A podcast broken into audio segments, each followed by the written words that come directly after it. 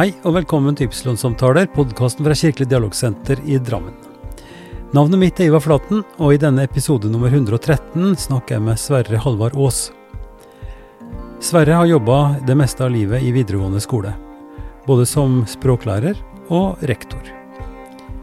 Han forsto tidlig at han var homofil, og har levd sammen med sin Leif i over 50 år nå. Det har vært stort sett bare støtte og forståelse fra alle.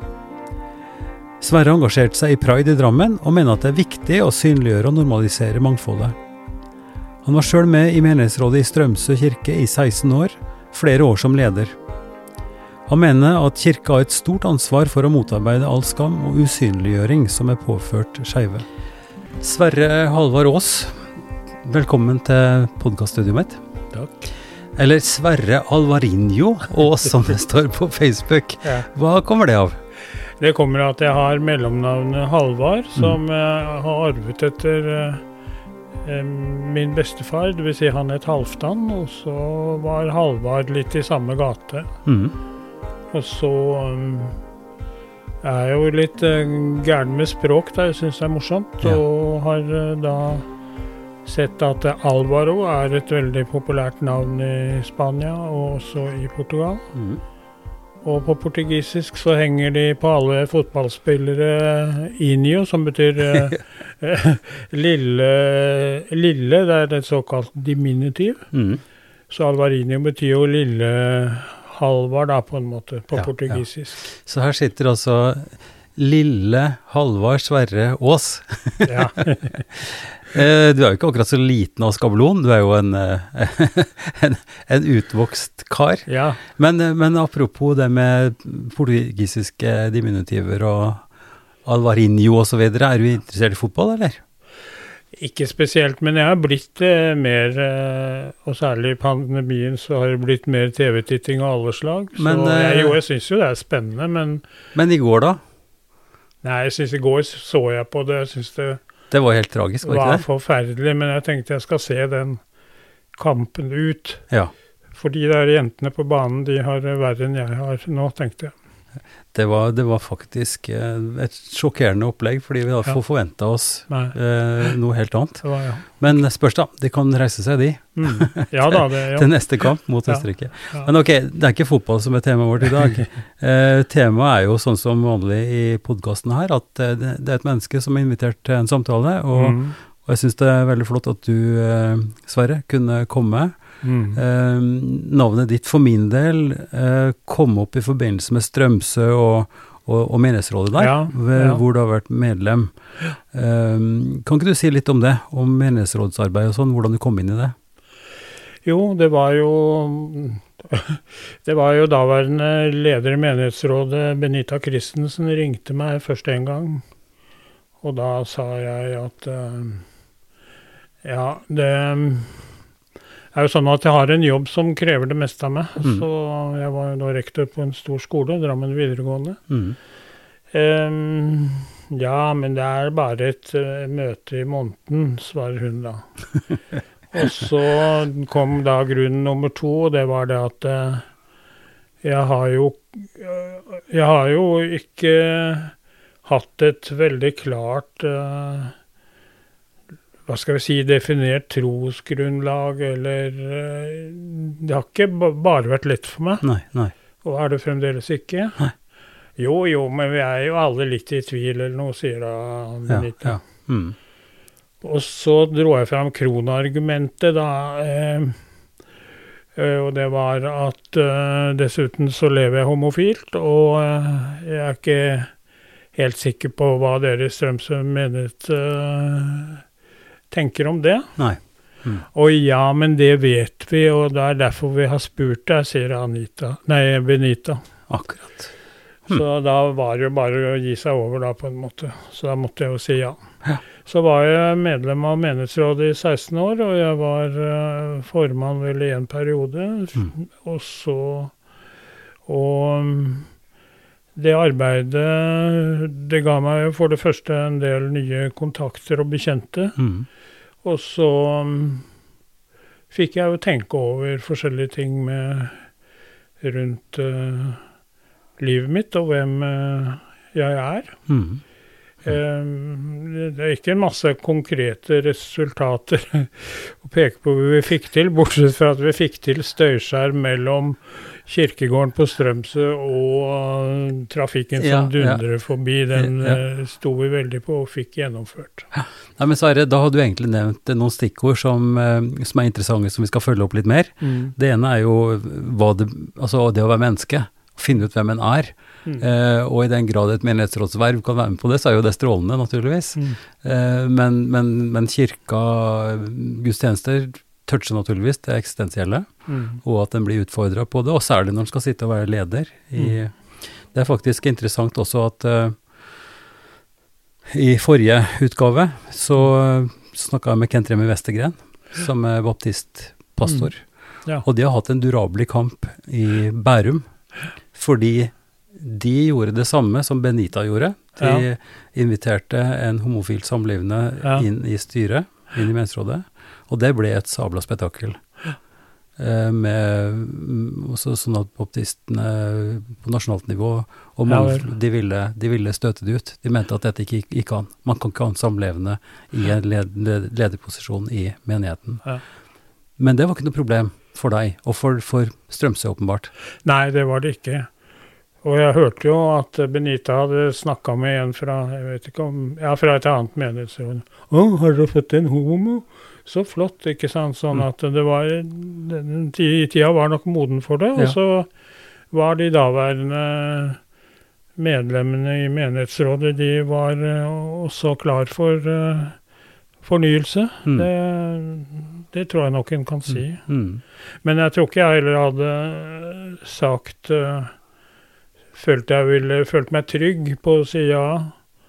eh, hvis det ikke var at jeg hadde vært, eh, vært rektor da i 16 år og eh, aldri lagt eh, skjul på min legning og livsform, og aldri fått uh, noen negative Nei. kommentarer på det. Snarere tvert imot. Mm. Så jeg var kommet så langt i livet at nå gadd jeg ikke heller å drive og skulle spille skuespill lenger heller. Nei. nei. Ehm, vi, vi pleier jo å, å gå et stykke tilbake i tid for å bli litt mer kjent med de som er Ja. gjester her. Og kan ikke du Sverre nå uh, faktisk spole helt tilbake Ja. eh, til oppvekst, barndom, eh, og så snakke litt om det? Ja. Nei, altså jeg ble født på Drammen sykehus den 12. mai 1946, og da, det var- ikke uten dramatikk, fordi at em, mine foreldre og vår familie, vi bodde i tredje strømterrasse i det som da var Skoger kommune, det ligger jo på Danvik, Mm. og det tilhørte den gangen Vestfold fylke, så eh, skulle man på sykehus, så var det Tønsberg og ikke Drammen, selv om det var ti minutter til Drammen. Og moderen eh, holdt, Jeg holdt på å komme til på Drammensbrua, visstnok, i taxien. og var nesten et faktum da mor kom inn i mottakelsen på Drammen sykehus, og der sier sykepleieren ja, men de skulle jo vært i Tønsberg. Ja, du syns vel det, hadde moderen fått øh, ut av, seg. Så, så det var det. Og så vokste jeg opp da i tredje strømterrasse 18. Mm. Hadde to eldre søstre enn meg. Mm.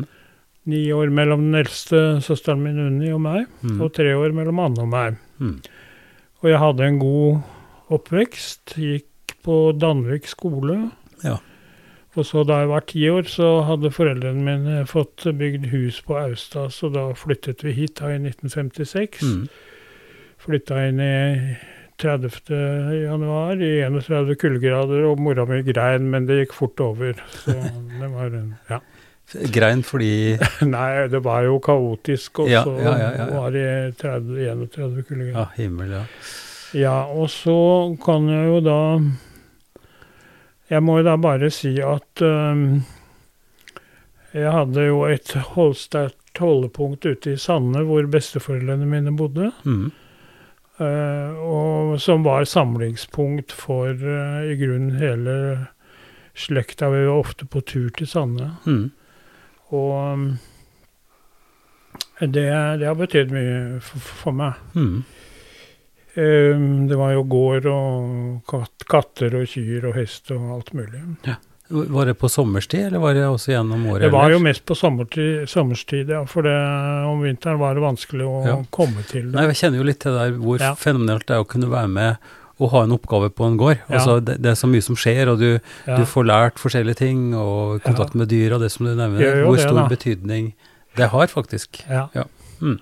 Jeg husker f.eks. Uh, tante Inga som satt på den der krakken med tørkle på huet og melka Ja, med hodet inn i sida på en store på kua, en ikke sant? kua, og så Ja, sang han 'Nærmere deg, min Gud'. Så det nevnte jeg i begravelsen hennes på minnesamværet. da, at eh, ingen kyr i norske, eller kuer i Norges land som har hørt så mye 'Nærmere deg, min Gud' som kuen til tante Inga.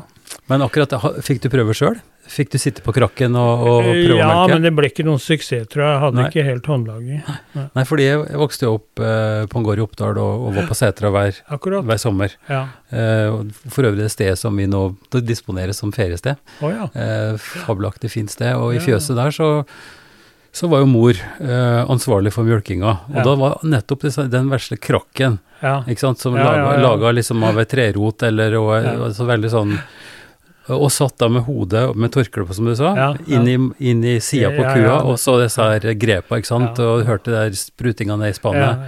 Og jeg fikk være med og prøve det sjøl. ja. Eh, og, og ikke sånn at jeg mjølka ofte, men, eh, Men, det, men akkurat den der eh, følelsen av å sitte der inntil det svære dyret, varme dyret, var- som likevel står og er takknemlig for å, for å bli melka. Ja. Så var det kanskje et par katter i bakgrunnen som visste at det vanka en melkeskvett også. Det ikke, ikke, var- ikke på setra, men hos dere antageligvis, på, i Ja, Sande. det var det, Ja, ja. ja. Mm. Mm. Eh, Litt bare om besteforeldrene mine på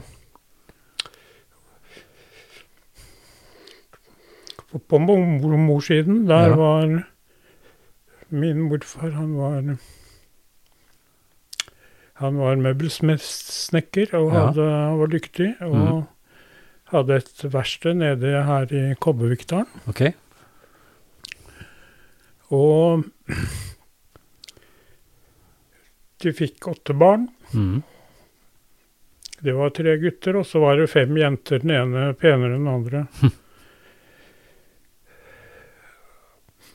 Jeg merker du blir rørt når du snakker om det. Hva, Ja, hva, hva er det det. som, eh, som det er jo det berører deg at sterkt? da denne bestefaren var 32 år, så ble han lagt inn på Gaustad og Lier sykehus. Oi. Og han var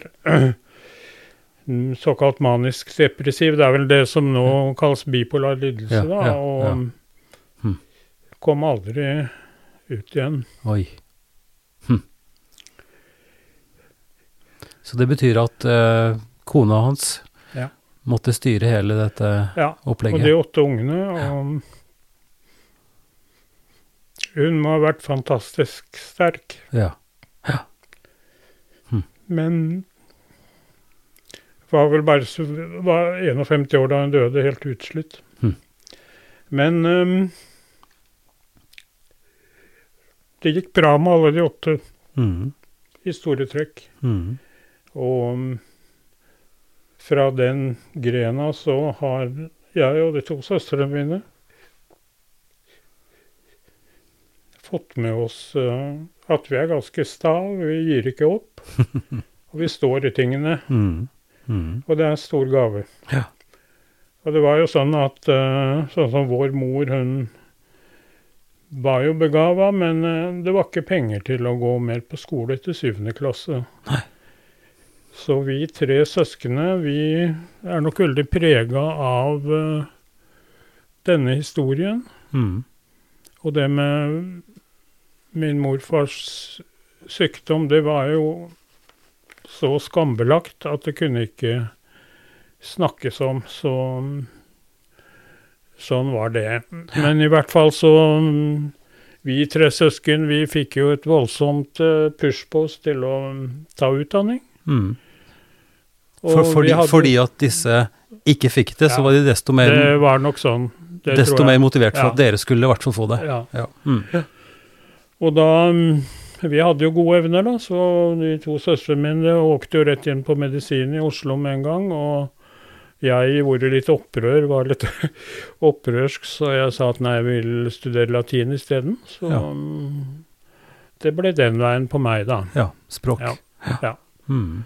Så mm, jeg tok eh, hovedfag som det da, eller en master i spansk. Og så hadde jeg fransk og latin i, i fagkretsen min Mm. for øvrig. Du, hvis vi spoler litt tilbake igjen Ja. til, til tidlig barndom og oppvekst. eh, Jeg pleier også å spørre litt fordi, at, eh, fordi jeg syns det er interessant hvordan kirka, eller hvordan religion eventuelt preger oppveksten. Altså kirkegang Mm. eventuelt, høytidene, om det, om det foregår altså kveldsbønn, slike ting. Er det ting som du husker tilbake på?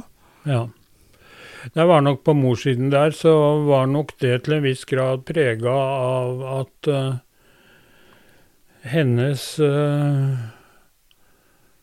familie, de hø tilhørte noe som da het Den jarlsbergske frimenighet. Ja. Mhm. Og det, de var vel noe av det strengeste som fantes på den religiøse siden. Ja. Men um, så, Men altså, vår eh, mormor, da, som jeg aldri har sett, Mm. hun uh, ville ikke at det skulle være sånn Nei. for hennes barn. Nei.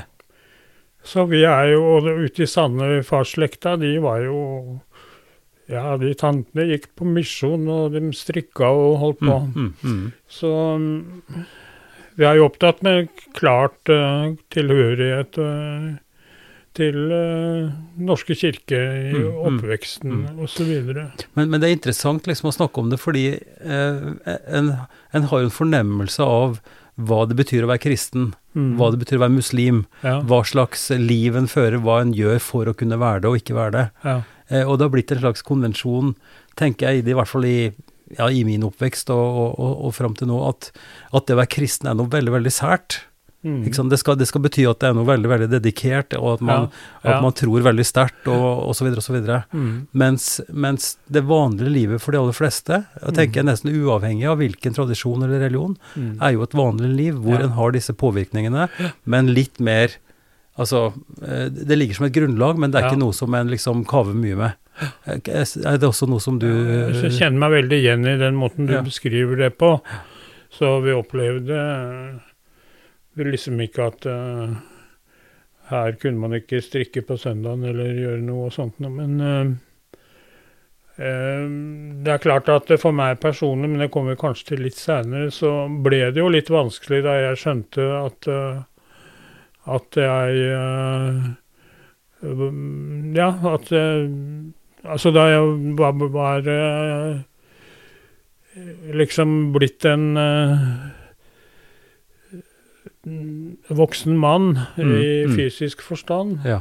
og jeg skjønte at det var menn som var greia for meg, så er det klart det var ikke noe lett. Ja. Men, men si litt om det. Når, hvor tidlig oppdaga du det? Ja, nå får jeg litt lyst til å Når oppdaga du at du hadde stortå? Ikke Nei, sant? ikke sant? Det, det, Ja, ja, Geir Brantenberg har akkurat brukt det bildet i en roman. Nei, altså jeg tror nok kanskje liksom at jeg eh, kjente et eller annet udefinert, og jeg kjente ikke ordet homoseksualitet eller homofili eller homo, for den saks skyld. Nei. Men jeg merka nok noe, og så var det jo Det var jo en eh, episode da jeg gikk i syvende klasse på folkeskolen, så var vi Fra to skoler så var vi åtte elever som ble plukka ut etter en stilkonkurranse. Mm. Da ble vi kjørt med buss om morgenen til Sandefjord, satt om bord i en, den båten vi hadde skrevet, vi hadde også skrevet stil om stabelavløpninga. Mhm. så var det å reise med den båten til Drammen, og vi fikk drikke så mye brus vi ville, og spise så mye kake og smørbrød osv. Og, Mm. og da ble vi presentert for uh, sønnen til skipsrederen, og det var en uh, Det var en uh, mann på ja, kanskje 25 år eller noe sånt. Mm. Og da husker jeg at eh, jeg greide ikke å ta blikket fra han. Hmm. Jeg greide ikke å la være å se på han. Og, og det, det var liksom første gang jeg liksom etter pubertet tenkte, Ja, ja, tenkte her er noe gærent, eh, eller Ja. her er noe veldig riktig. Mm. Kjente at sterk, sterk Ja, attraksjon. Ja, jeg har Mm. beskrevet dette i en annen eh, sammenheng, da. Ja, men jeg ja, husker ja. det veldig godt. Ja. Mm. Og så gikk jeg jo litt i Jeg var jo en del med i Kristelig skolelag i Drammen. Mm. Men jeg slutta å gå der, altså. Ikke fordi det var liksom noe sånn veldig brudd, men jeg, jeg syns det ble veldig vanskelig. Mm. For hadde jeg kommet ut med noe der da, så Ja, gud, gud vet jeg. Mm. Mm. Hva som eh, det, Hvordan det ville bli møtt, det vet jeg ikke. Nei. Nei. Så, så det var i grunnen noen skolekamerater som berga meg gjennom den gymnastida. Så Ja. ja. Men uh, Sverre, si noe om eh, Du sa at du, kom, du gikk latinveien, eh, språklig interessert. ja. Nærmest i protest, fordi uh, kanskje var det lege som var det mest prestisjefylte, Ja, ja, ja. ja. eh, Men si litt mer om utdanninga di, og hvordan Jo. det var. Altså, jeg begynte på reallinja i 1962 og gikk der i tre uker. Mm. Og så gikk jeg til rektor og spurte om å få bytte til latinlinje. Mm. Ja, og jeg så at han likte det egentlig, men eh, han eh, avkrevde meg noen forklaringer om Mm. Mm. ja, hva er motivasjonen, eller hva motiveringen var det Mm. ordet han brukte. Mm. Så, ja. Og jeg greide vel å svare sånn at jeg fikk eh, flytte over. Mm. Men den mattelæreren jeg hadde på reallinjen i de ukene, han hadde hatt søstera mi i kullet før, og hun var rågod i matte, og det var jo egentlig jeg også, men eh, jeg ville protestere litt, og så Og så Ja, han ble forbausa da når du skulle Ja, jeg gjorde det. Ja, Og en del eh, i Altså både mor og far støtta meg, det var helt i orden. Og eh, hvis du syns det er det du vil, så så får du gjøre det. Mm. Sånn ble det. Ja. Så da um, gikk jeg ut eh, i en klasse med tolv jenter og to gutter. da. Mm. Den andre gutten ble filmskaper, og jeg dro for å studere latin videre på universitetet da, Mm. i Oslo. Mm. Studere latin, rett og slett altså latin som latin. Ja. Eh, leste klassikere. Ja. Eh, fordypa deg i grammatikk. Ja. Eh, hva, hva syns du er utbyttet av det? Hvorfor var det viktig? Jo, jo det, når jeg ser tilbake nå så mange år etter, så er det noe av det nyttigste jeg har gjort det med hele mitt liv. Og folk trodde jeg var gæren, og noe Mm. så unyttig hadde Mm. enda vært engelsklinje. Nei, men men- altså, jeg spør fordi at jeg har Det, det er liksom litt sånn retorisk, fordi Ja, jeg har sjøl i teologistudiet Ja. lest noe latin. ja, Ikke sant? Fordi at kirke, det var kirkelig språk som var viktig. Men jeg ser jo også at latin gir et veldig tilfang av språkforståelse, altså på ord, ordnivå i, Ja. i, i, i fransk naturligvis, men også i engelsk og, ja, ja. og, og, og andre språk. Slik at du får en slags Veldig. Du, du får en veld, veldig god plattform for uh, både kultur, ja. eh, kultur og språk. Det er veldig, ja, så er nytte av det hver eneste dag. Ja. Og så ble det jo også rent sånn da at da eh, kasta jeg jo øynene på de nylatinske språka, da, sånn at eh, jeg begynte på franskstudiet, og der eh, mm, tok jeg eksamen der, og så begynte jeg på spansk, Mm. som da var et forholdsvis nytt studiefag i Norge. Mm.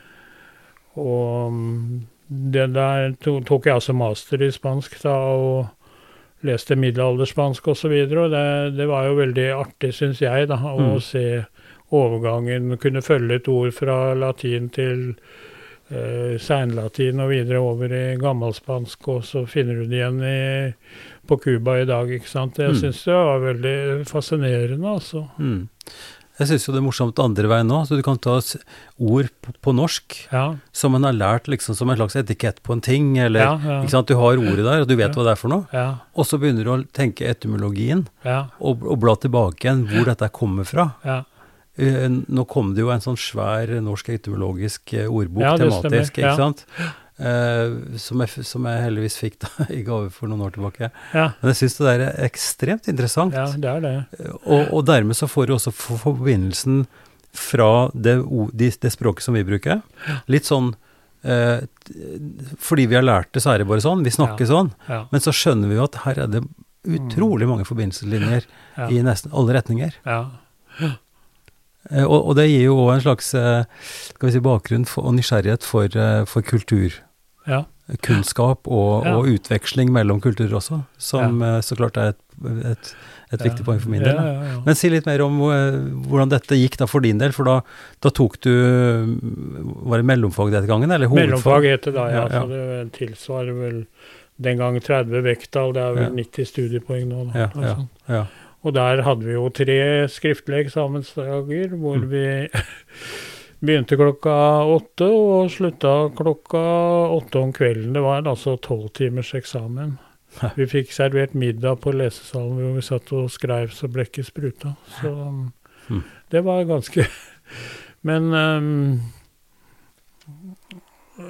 Ja, så, men så var det jo etter hvert så skjønte jeg også at jeg kanskje måtte finne meg en jobb, da. Mm.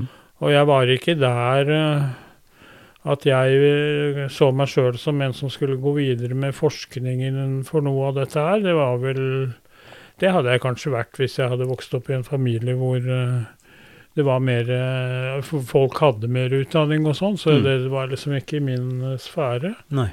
Så det ble jo etter hvert skole, men før det så hadde jeg jo noen Ja, først et halvt års opphold i Frankrike, og så et helt år i Spania, i Barcelona, hvor jeg gikk på universitetet sammen med spanske studenter, og det jeg har med meg er den dag i dag, altså. Så Ja, nyt, nytten av det å kunne være ute og, ja, ja, og, og, og leve i et språkmiljø som er Ja. forskjellig fra norsk. Ja.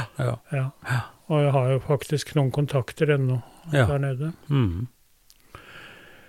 Ja, og så ble det mm, sånn at øh, jeg søkte en jobb på øh, videregående skole i Oslo, Hartvig Nissen skole, kjent som Skam-skolen også, hvor Mm, den serien ble spilt ja, inn. ja. Mm. Dette var da en skole som Ja, den var preget av musikk og drama, Mm. og det var en herlig blanding av folk fra østkanten og folk fra Holmenkollåsen og, Mm. osv. så videre. Mm. Så det var et spennende miljø der. Mm. Mm. Jeg hadde i begynnelsen bare en liten timelærerstilling, eh, men så mm, ble det et opphold fordi mm, Ja, av forskjellige grunner. Og så var jeg innom skolesjefen i Oslo, og da fikk jeg lærte jeg mye om dette med strukturene, og hvis du skulle f.eks. prøve å få skaffe spansk en eh, større plass i skolen, så lærte jeg mye om knapper å trykke på, så det Mm, var jo mm. lærerikt. Mm. Kom jeg tilbake til nissen, og så Ja. Var jeg innom også enda en annen skole, mm. Eikeli videregående i Bærum. Mm. Og så havna jeg i Drammen, da, hvor jeg var rektor i elleve år. Og traff igjen noen av de lærerne jeg kjente fra min egen skoletid. Mm. Det jeg syntes var morsomt, var jo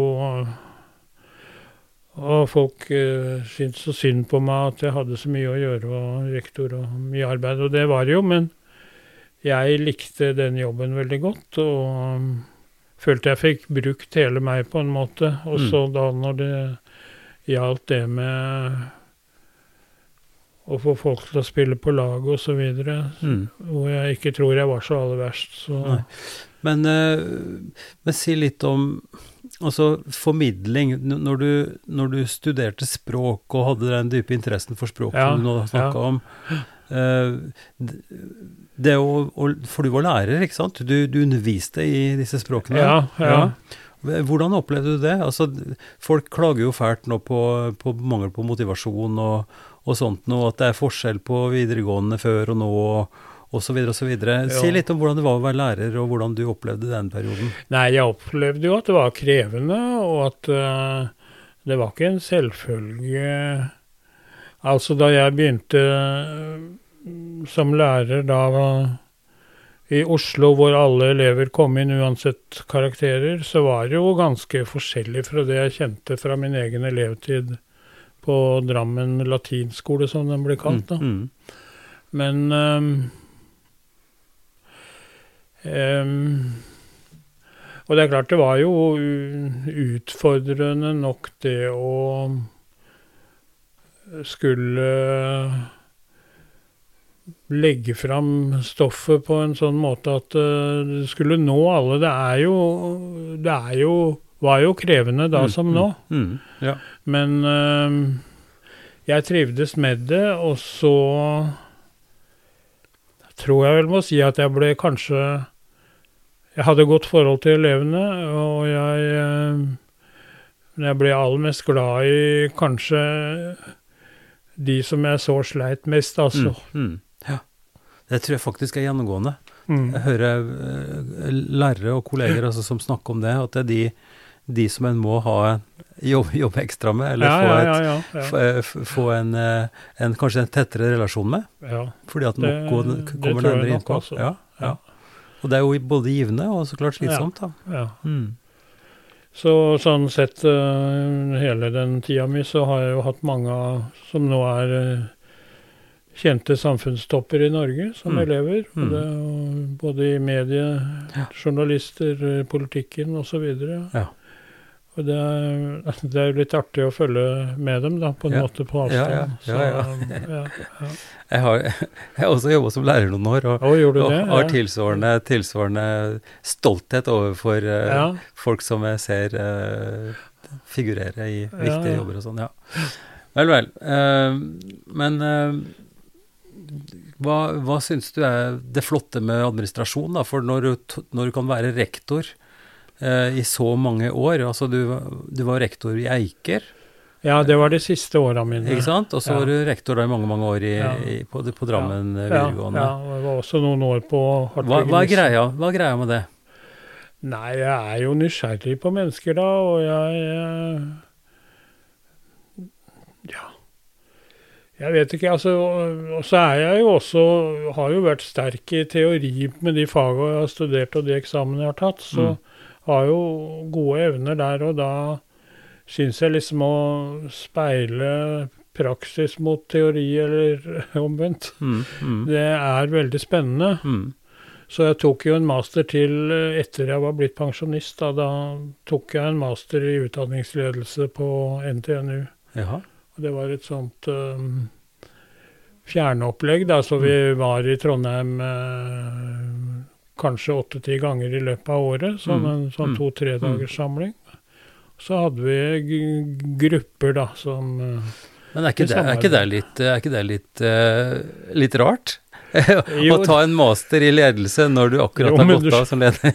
Jo da, men altså det er jo litt med Ja, altså Du er jo nå pensjonert prest, men det er jo ikke så lenge du har vært det, da. Men eh, du er, slutter jo ikke å være interessert Nei, nei, nei. i teologi og mennesker og, og dialoger mellom religioner og alt dette Nei, nei, nei. her. Det, Det det egentlig blir jo ikke borte. Det er egentlig et ganske korttenkt spørsmål, fordi det er jo faget og, og, og interessen rundt det ja, som er mer interessant enn hva du skal bruke det til. ja. Eh, ikke sant? Det er jo det. Det har sin egen verdi på en måte. Og det, jeg tror vel at det også at eh, den bakgrunnen jeg fortalte om, den har jo gitt uh, meg den der holdningen at uh, læring har en verdi i seg sjøl, altså, på en Mm. måte. Mm.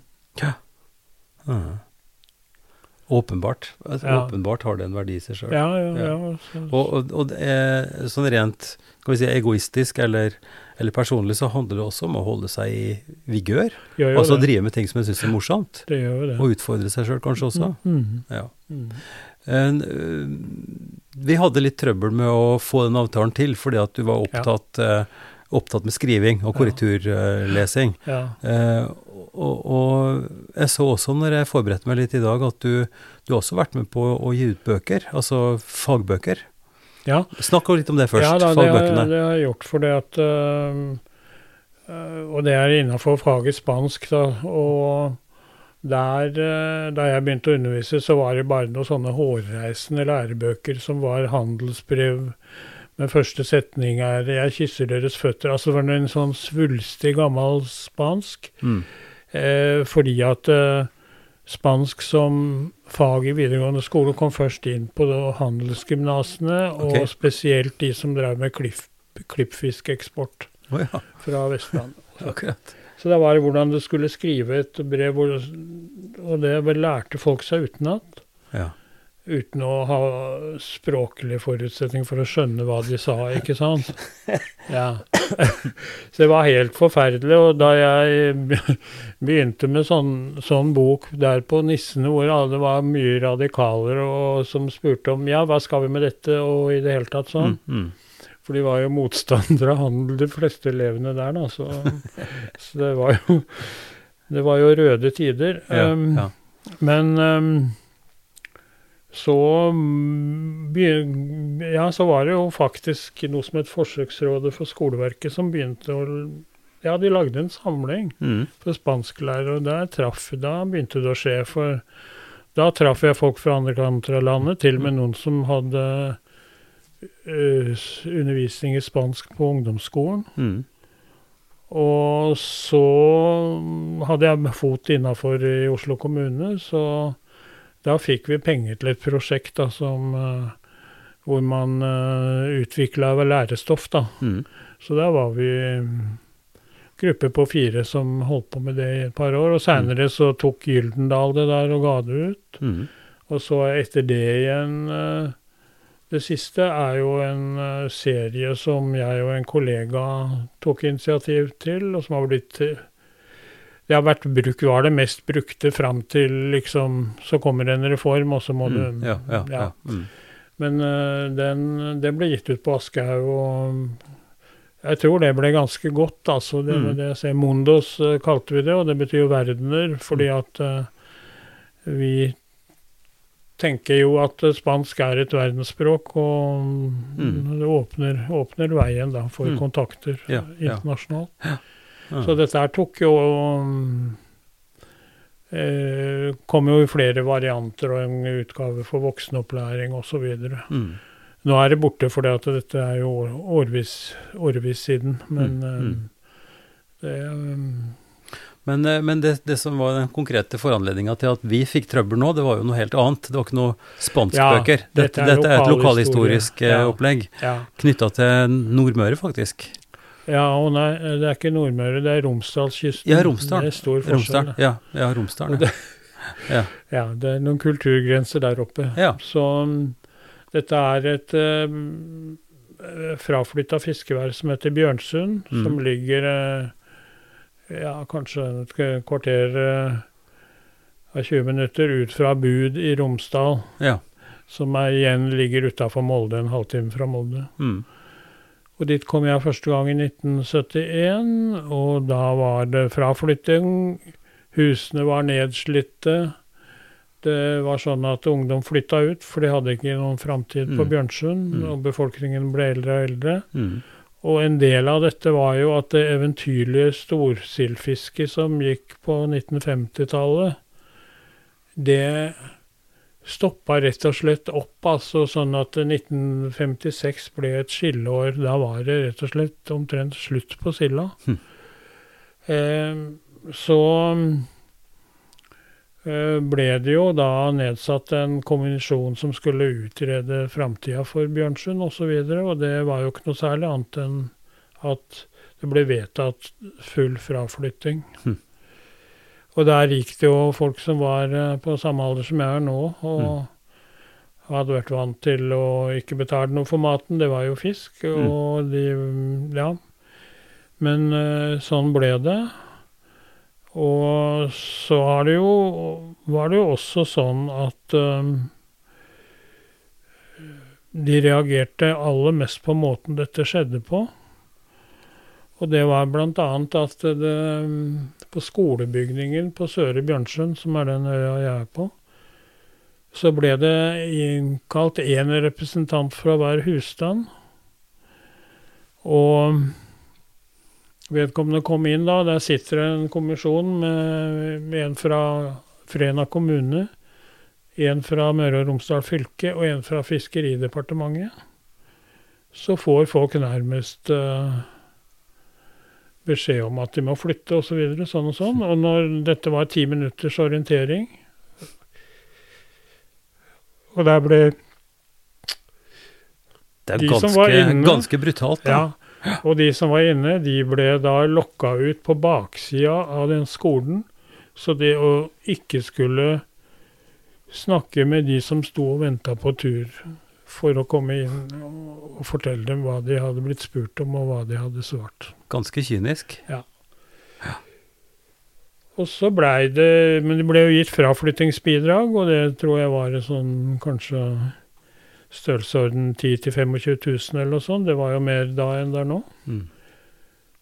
Og så var det jo en god del som valgte å selge husene sine. Mm. Noen eh, har beholdt dem og er eh, etterkommere bor der nå Mm. i ferier og sånn, da. Mm. Så, Mm.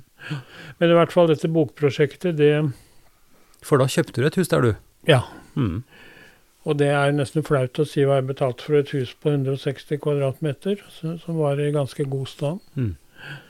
Så det kosta 20 000. Oi, oi, oi. Ja. Og nå er jo husene der veldig ettertrakta og går langt opp i millionklassen. Ja. Men eh, så var det mm, en som heter Grete Kleppen, som eh, hadde aner der, og som jeg ble kjent med der ute på øya. Mm. Hun eh, jobber som skjønnlitterær forfatter og bor i Frankrike. Så det var henne. Og så Geir Hollingen, som jobber i Sjøfartsdirektorat. Ja, nei, han jobber i Sjømannsforbundet nå. Mm. Men har liksom mye maritime interesser, da. Mm. Så vi ble enige om å sette oss ned og skrive Bjørnsen 50 år etter. Ja. Nå har det arbeidet både dratt ut, og det har eh, blitt mer eh, komplisert enn jeg hadde forutsett. Så jeg syns det har vært litt tøft nå disse siste par åra, altså, det må jeg si. ja. Det er ikke noe voldsomt eh, opus, dette her. Det blir vel en 120 sider. Men det skal være riktig, og så Ja. skal folk som er, blir sitert og har bidratt eh, med mm, tekster og ja. intervjuer, de skal være riktig sitert. Til dels følsomme ting. Ja. Ja. For det Mm. ble ikke til å komme bort fra at det også ble en del eh, bitterhet etter dette her, og Ja. litt motsetninger. Ja, Kanskje ja. noen hadde fått 3000 mer i ja, eh. Mm. Kanskje hadde jeg fått 3000 mer enn du fikk, ikke sant. ja, ja, sånne ting. Så mm, Nei, sånn at du har, eh, du har litt å pusle med. ja, jeg har, har egentlig det. Nei, men, men la oss gripe tilbake til det som, som jeg syns eh, kanskje vi burde snakke en del om. eh, og det er jo knytta til det angrepet som skjedde i Oslo for ikke så lenge Ja. siden. eh, til, til din eh, sivilstand, altså det at Mm. du også nå som du har fortalt eh, tidlig visste, og, og også sier at du gjennom hele karrieren din har følt støtte for og følt det har vært Mm. greit. Ja. Men det er jo åpenbart ikke greit når sånne ting skjer som Nei, vi opplever nå. Det er det jo ikke. Nei, Men det forekommer jo andre mord òg, da, uten at Det gjør det. Ja. det gjør det. Mm. Men eh, Men kan du ikke si litt om utviklinga, da? Hvordan Jo. dette har vært for deg sånn personlig? jo. jo. I den grad du Ja. kan uh, si noe Ja om det. det. jeg er ikke noe redd for å si hva det skal være, jeg. Så.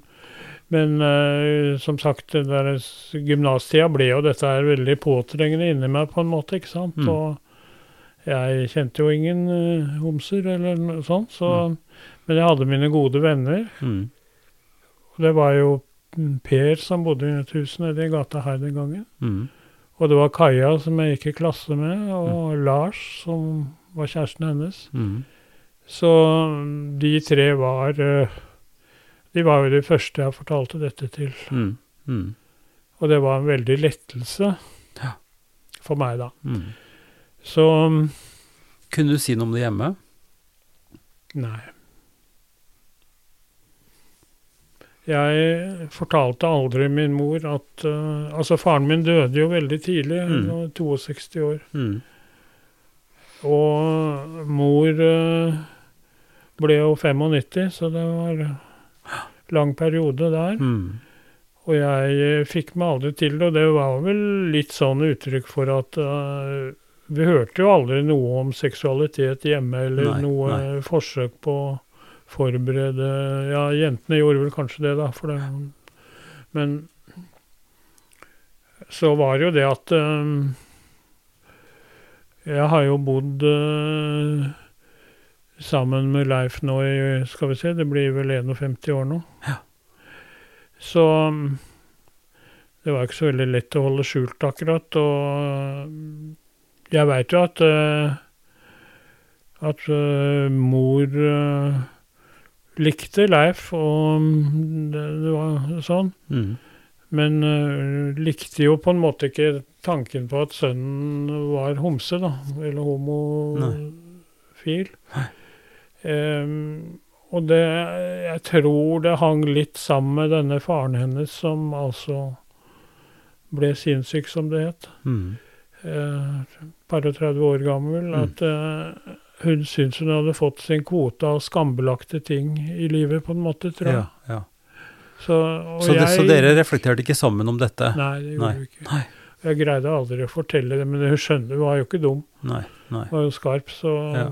skjønner jo det. Men uh, aldri snakket med søstrene mine om Altså, hun har ikke det, men mm. der har jo jeg veldig godt Eller både, vi har begge godt forhold til hverandres familie, og vår, Mm, så mm, mm. blir jo mottatt som grever i Stryn, hvor Leif er fra. Og Ja. det er godt forhold her i Drammen Oslo med Ja. familie. Ja, ja. Mm. Så mm, det var det. Men jeg, også de første sånn, hva skal vi si Jeg så meg jo litt om i verden, jeg også, ikke Mm, sant. mm. Så det var vel eh, Ja. Jeg var jo litt ute på livet, både i Barcelona, jeg bodde der, og Madrid og Mm. Oslo, for Ja. å si det sånn. I student, studentperioden? Ja. ja. Mm. Så da fant jeg ut en del ting. Mm. Ehm, men ehm, jeg, Altså, det er klart at uh, verken eh, Leif eller jeg er liksom ehm, er de mest utagerende typene, for å si det sånn. da. Sånn, eh, ja, jeg må bare si at Aftenposten hadde jo en sånn litt eh, treffende betegnelse hvor, de skriver at eh, vanlige homofile blir stående litt i kryssilden mellom eh, mellom eh, Altså konservativt eh, kristenfolk og muslimer og altså engasjerte religiøse Mm. eh, på den ene siden, og naturligvis krav om altså Filosofien nå bak organisasjonen FRI er jo at ingen er fri før alle er fri, og den kan jeg godt være med på, men eh, det er jo litt med at eh, tidligere så så var det sånn med frihet til å elske den man vil, og nå er det frihet til å være den man, man vil. Mm. Og jeg, jeg Altså, jeg, jeg har jo aldri følt meg som noe annet enn gutt og mann, og følt noe behov Nei. for å å, å, å stille i kjoler og paljetter i priden og sånt Og Jeg fordømmer ikke, dømmer ikke de som uh, kanskje har et uh, et behov for det, og Mm. gjerne vil være litt uh, med på show og sånt noe, så Mm. det, det er helt greit for meg, det, men Men jeg Jeg syns nok kanskje nå at sånn som debatten går, så så um, er en ganske god karakteristikk eh, det der med mm, at vanlige homofile blir stående Ja, litt i ja. kryssilden. Det, blir, det blir, et, blir et svært spenn Ja. eh, mellom ytterpunkter, Ja. og, og det å skulle befinne seg i et midtpunkt der det der de flere, altså det er jo snittet, og det, det vanlige, som du sier, er jo vanligst. ja. Eh, og, og, men jeg syns det òg er interessant den kampen som, eh, som Kent Remi og, og baptistmenigheten i Bærum måtte ta for sin menighetsrådsmedlem. ja. Eh, altså, og da snakker vi jo teologi, naturligvis, Ja, ja. ikke sant? Eh, Kan du ikke si litt om det? det jo, jeg kan, altså, det, det handler rett og slett om, om skaperorden og, og den bibeltolkninga som, som tilsier at, eh, at homofilt samliv, samliv ikke er i for, i, i, ifølge Guds ord, ikke sant? Det at, at det blir feil. Ja. Eh, og, eh, og dette dette er noe, dette er jo ikke noe nytt. Altså Dette er jo en slags mainstream i, i kirker over hele verden. Så vi er jo relativt radikale, eller Mm. langt fremme eh, i Den norske kirke. Men der er det også to syn veldig tydelig. Ja. Og for en del år tilbake, det kjenner du sikkert til, så var det jo en stor utredning eh, hvor teologiske professorer og biskoper Mm. jobba i flere år med å finne ut skriftgrunnlaget og for å kunne si noe om dette. ja. Og de kom jo ut nøyaktig 50-50. Akkurat. Ikke sant? Er illustrerende nok. Ja. Eh, slik at eh, skriftgrunnlaget må tolkes i dag, og det Ja. må anvendes på en måte som er i tråd med, med de, de beste prinsippene, ikke sant? Ja. Eh, men men det, som, eh, det som er saken da i, i, i Bærum, det er jo at, eh, at et flertall av baptistmenighetene, de sier at det er ikke til å leve med at en baptistmenighet skal ha leder, altså en, del i lederteamet da, i menighetsrådet, som er homofilt samlevende. De er ikke mot homofile, som de sier, men altså det å skulle leve slik, det, det går ikke hvis man skal ha en lederfunksjon. Så du kan høre på den samtalen, den er ganske ja, interessant. det for skal det, for den er også, går jo også i retning av hva en skal gjøre med, med ungdomsledere, ikke sant. Eh, det er greit å være på kjøkkenet og ikke være synlig for de andre ungdommene, men det å være ute og synlig. Og, Mm. og det er noe av det som jeg har lyst til å, å, å, høre, å snakke med deg om, og høre hva du sier om det. Altså om pride og den satsinga på det synlige. Mm. Altså det å kunne gjøre det synlig og feire det, og bruke regnbueflagget og ha gudstjenester og, og bruke tid på det Mm. om det nettopp ikke er et poeng for å gjøre det vanligere. Altså ikke for å gjøre det mer eksotisk, men for at folk skal bli vant til tanken og, og, og sånt noe.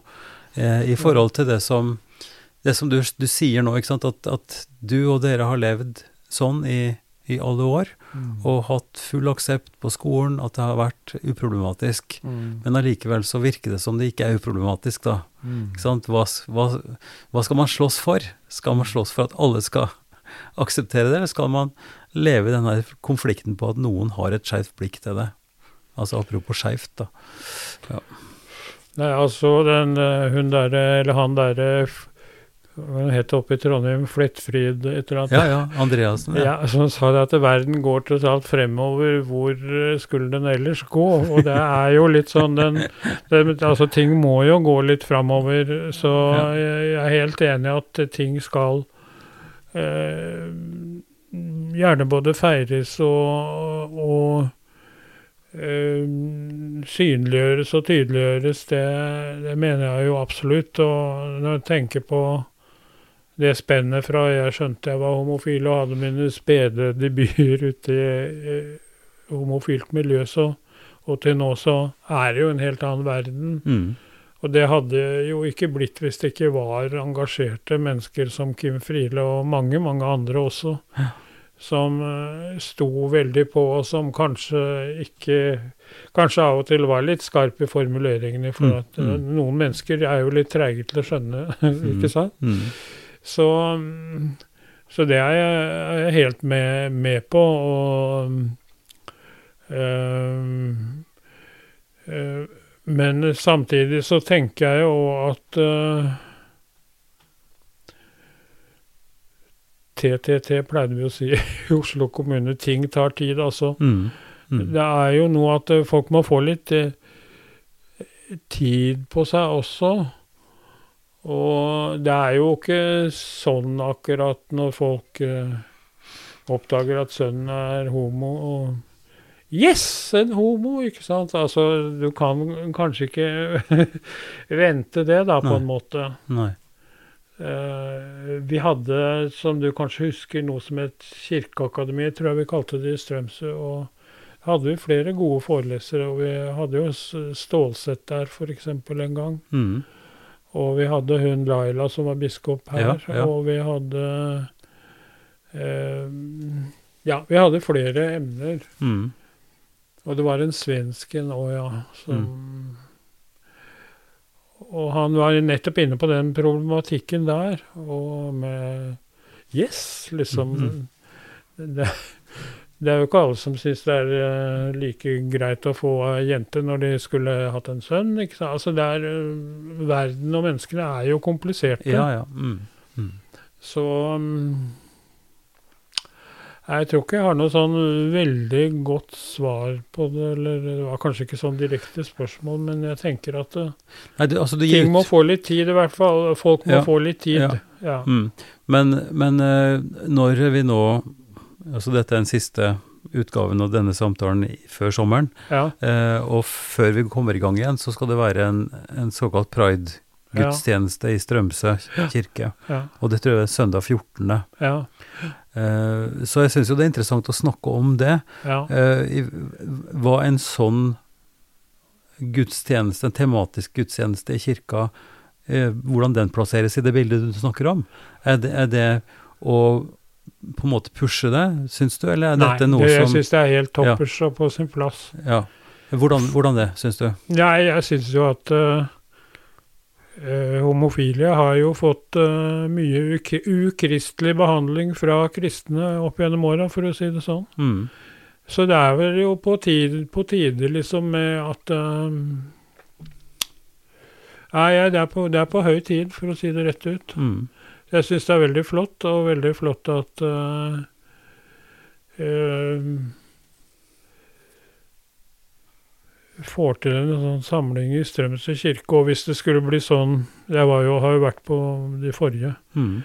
Hvis det skulle bli sånn at uh, det står en terrorist utafor døra, så Ja. Uh, vi, vi kan ikke tenke oss Vi kan ikke la være å bruke kirkerommet, bruke Kirken som organisasjon, bruke eh, samfunnet som eh,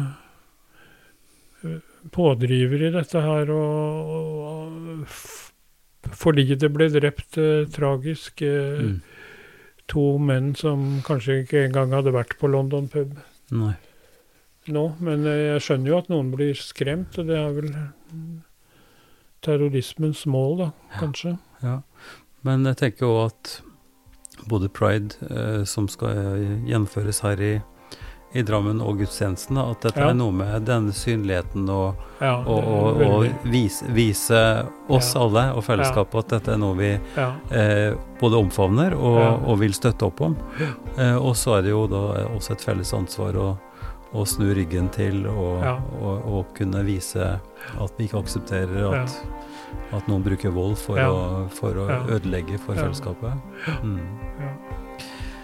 Sverre, det har vært en fornøyelse. Timen vår har gått, om du tror det eller I ikke. like måte. Eh, takk for praten, og ha en fortsatt god sommer. Takk for det. Samme til deg, Ivar. Takk for eh, samtalen, ja. Takk for at du lyttet til Ypsilon-samtalene. Vi har støtte fra Drammen kommune, fra Einar Juels legat og fra Barne- og familiedepartementet. Jeg ber fortsatt om innspill, så send gjerne en mail til Ivar krøllalfa ifd.no om du har ideer. Høstsesongen av Ypsilon-samtaler starter onsdag den 24. august. Da er vi med på podkastfestivalen i Drammen og har en direktesending i Ypsilon Bar på Grønland. Den blir sendt som podkast torsdag 25. Jeg ønsker alle lyttere en god sommer, og så høres vi til høsten.